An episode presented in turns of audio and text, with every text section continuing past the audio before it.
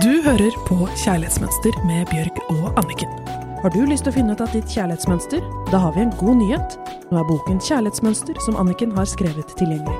Full av nyttig informasjon som kan hjelpe deg å få akkurat det kjærlighetslivet du ønsker deg. Kjøper du nå, sparer du 50 kroner og får boken signert og tilsendt hjem. Gå inn på nordli.no eller ark.no og les mer. Kjære deg, takk for at du lytter til oss. I dag så har vi faktisk en veldig gøy nyhet.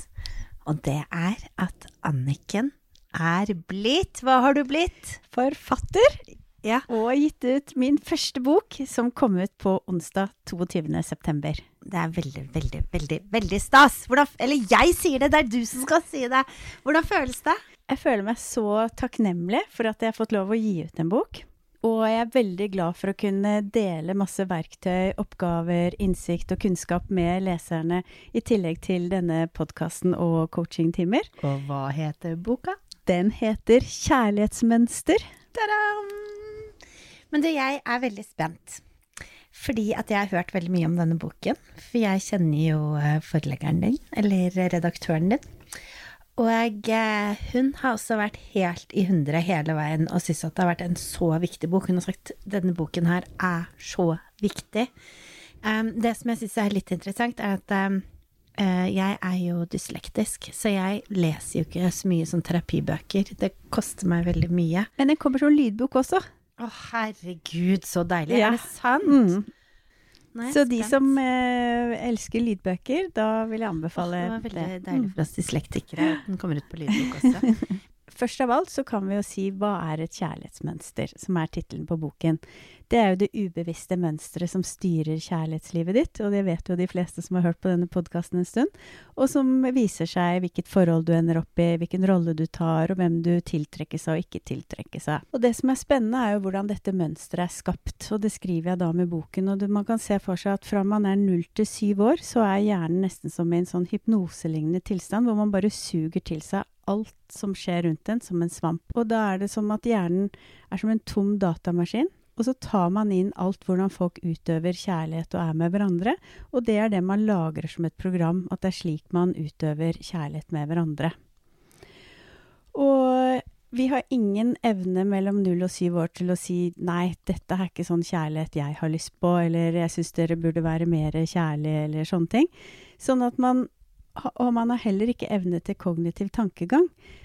Og det som skjer, er at når man blir voksen, og når man er fri, egentlig, til å velge akkurat den type kjærlighet man vil, selv om man ikke var enig den gang, så er man altså ikke fri. For da er man styrt av denne gamle programmeringen. Som Så- du fikk fra du var null til syv år. Ja. Så, Herregud. så du kan si at øh, det er jo det gode, det er derfor vi har denne podkasten, Bjørg. Og det er derfor jeg har skrevet den boken også. Det er fordi toget er aldri kjørt. Vi har mulighet til å forandre det med å bli bevisst hva er mitt dysfunksjonelle kjærlighetsmønster, og hva kan jeg gjøre for å frigjøre begren denne begrensede programmeringen, da, som stopper meg fra å få akkurat det kjærlighetslivet jeg ønsker meg. Så boken starter da med min historie. For jeg vokste opp jo i en typisk vellykket familie i Gåstein, hvor vi hadde alt og mer til, og jeg var flink på skolen og hadde masse gode venner, og jeg var veldig heldig, fordi jeg har verdens beste mamma som har elsket meg overalt på denne jord, men min utfordring lå i mitt forhold til min far. Og det er jo det jeg syns er interessant med dette dysfunksjonelle kjærlighetsmønsteret. Det skal altså bare én person til for å lage det dysfunksjonelt. Og det kan også være en bror eller søster. Absolutt. Og han øh, var veldig sjarmerende, men var ekstremt selvopptatt og bare jobbet hele tiden.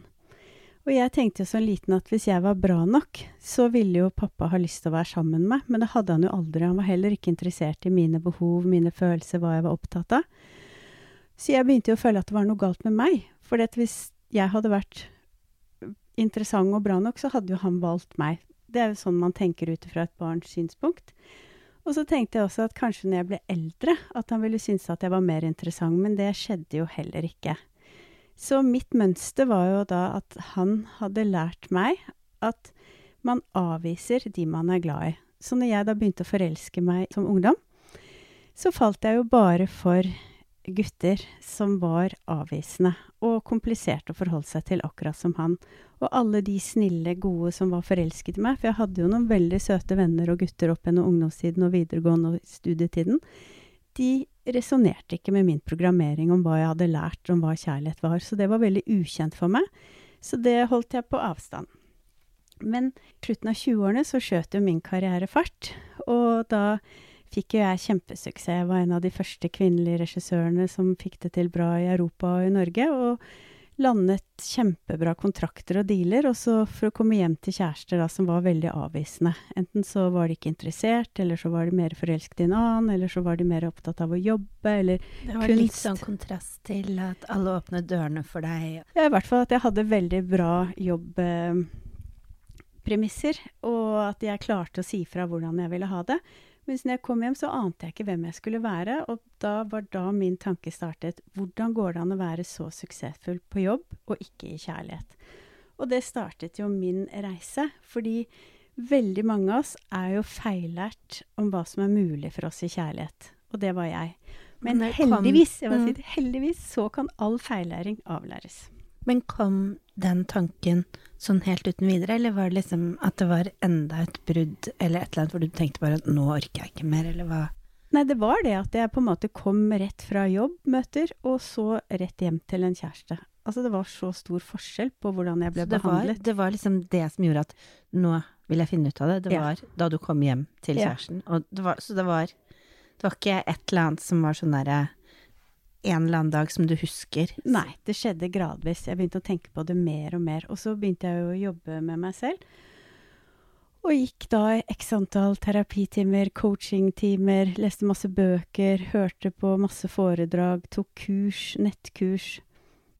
Og så knakk jeg jo da koden med å finne ut av at dette her handler jo ikke om at jeg Knekk heller koden enn å knekke sammen! Ja, for jeg fant jo ut at dette handler jo ikke om at jeg er uheldig i kjærlighet, eller treffer feil menn, for det var det jeg var så ulykkelig for og trodde hele tiden.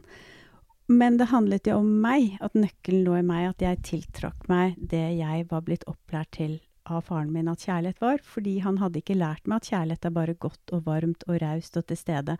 Han hadde lært at sammen med kjærlighet så kommer det avvisning. Så det var det jeg oppsøkte da på forskjellig type plan. Så boken er da delt opp i fem kapitler.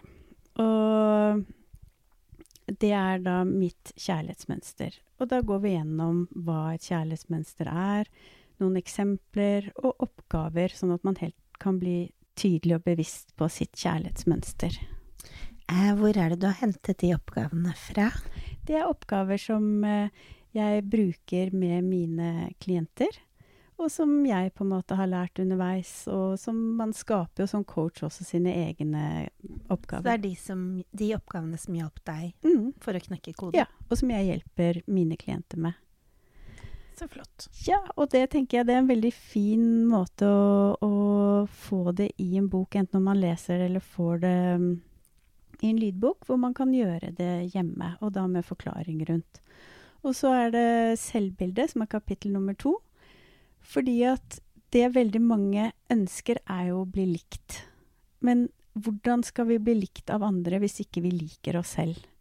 Og det selvbildet vårt, det er også bundet i gamle, begrensende tankeganger og tror om hvem vi er. Så her er det da oppgaver direkte på selvbildet. Og så er det verdier. Det har vi jo jobbet mye med her i podkasten. Fordi at det som er interessant med verdier, som, tar, som, jeg skriver om i boken, det er jo det at verdiene dine viser seg i valgene dine. Det spiller ikke noen rolle hva du sier eller tenker at du har lyst til, men om du er i kontakt med dine verdier, viser seg i valgene du tar. Du kan ønske deg kjærlighet og omsorg og ha det som verdier, men hvis du da velger en partner og blir behandlet uten omsorg og kjærlighet og de verdiene, så er du ikke i kontakt med verdiene dine. Og kan jeg bare si, komme med en innspill der. Mm. Fordi at det som jeg syns har vært veldig sterkt med den reisen som jeg har tatt mye mer nylig enn det du har gjort, så mm. det er veldig sånn i daget, er at jeg trodde var sånn at jeg skulle lære sånn, og det er lurt å gjøre sånn eller sånn, og at jeg ville komme i situasjon hvor jeg hadde tenkt sånn, og kanskje jeg ikke burde gjøre det, for det, det, har jo Anniken sagt at det ikke er lurt, eller et eller annet. Men det som skjer, som er veldig deilig, er at du tenker det ikke. Det er en refleks. Mm. Sånn at det er når du blir veldig bevisst i verdiene dine, så blir det en del av deg. Så det, det er ikke sånn at du tenker sånn å, kanskje jeg burde si nei nå, eller, eller vent litt, her burde jeg sette en grense. Det er ikke det som skjer. Det som skjer, er du sier bare nei, det der er ikke greit for meg.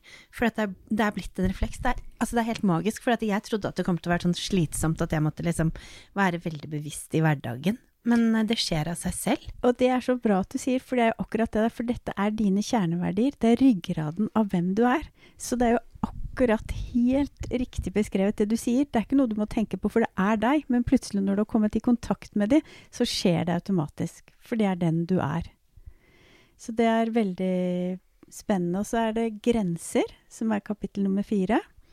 Og det syns jeg er et helt fantastisk kapittel, det må jeg bare si. At uh, det ønsker jeg at alle kvinner skal få glede av grensekapittelet i den boken. Grenser er så viktig, det vet du og jeg, Bjørg. Og det å få sunne grenser, det er nøkkelen til å skape de aller beste relasjonene, både med deg selv og andre. Og der er det noen kjempefine oppgaver og veldig fine eksempler. Kan ikke du fortelle én oppgave? Dersom du skulle sette kun én grense i livet ditt, hva ville den vært? Det tenker jeg Vi har ikke kommet helt til slutten ennå, men jeg tenker at det er en fantastisk oppgave for denne uka her. Å sette seg ned og tenke hvis jeg skulle bare satt én grense, hva ville det ha vært? Og så tenke ordentlig ned gjennom det. Og så er det siste kapittel, og den handler om eh, bevissthet. Fordi at vi har alle forskjellige måter å bearbeide informasjon. Vi har ekstremt mye informasjon som kommer til oss hver eneste dag.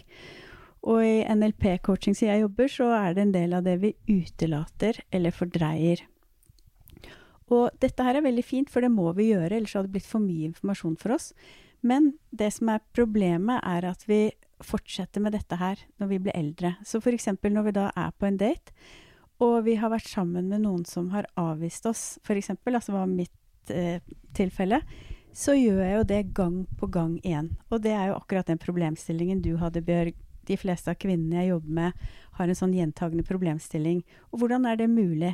For de som jeg skriver i boken, vi har jo egentlig doktorgrad, vi kvinner, på den type mens vi vet ikke fungerer for oss, og så velger vi det igjen og igjen.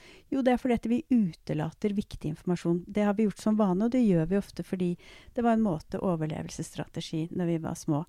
Så i det kapitlet er eh, bevissthet det viktigste.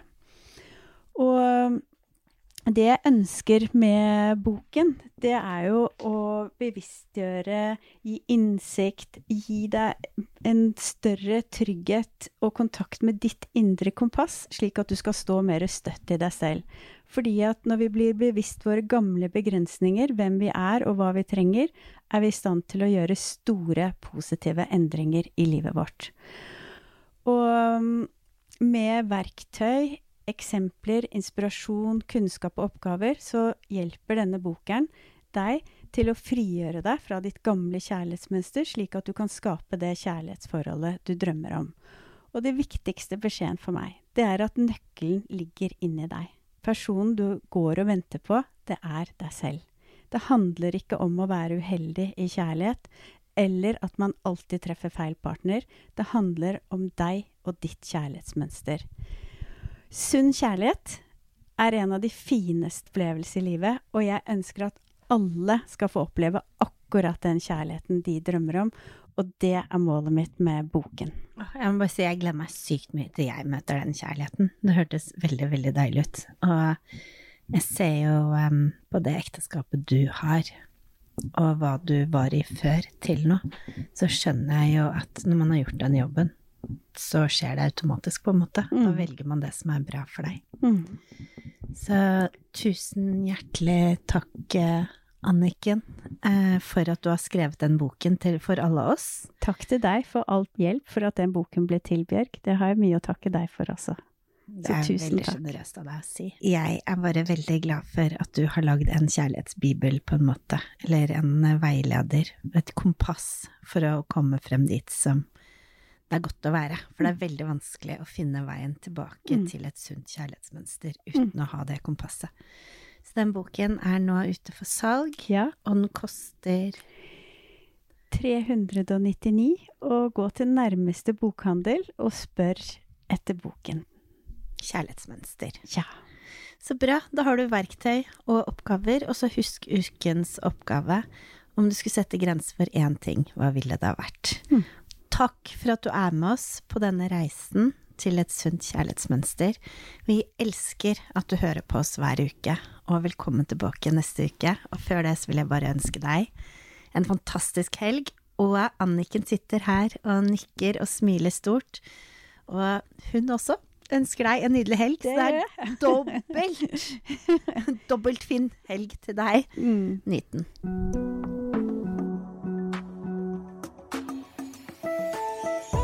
Du hørte akkurat podkasten Kjærlighetsmønster. Hvis du vil lese mer om kjærlighetsmønster, gå inn på kjærlighetsmønster.no. Har du lyst til å finne ut av ditt kjærlighetsmønster? Da har vi en god nyhet. Nå er boken Kjærlighetsmønster som Anniken har skrevet tilgjengelig. Full av nyttig informasjon som kan hjelpe deg å få akkurat det kjærlighetslivet du ønsker deg. Kjøper du nå, sparer du 50 kroner og får boken signert og tilsendt hjem. Gå inn på nordli.no eller ark.no og les mer.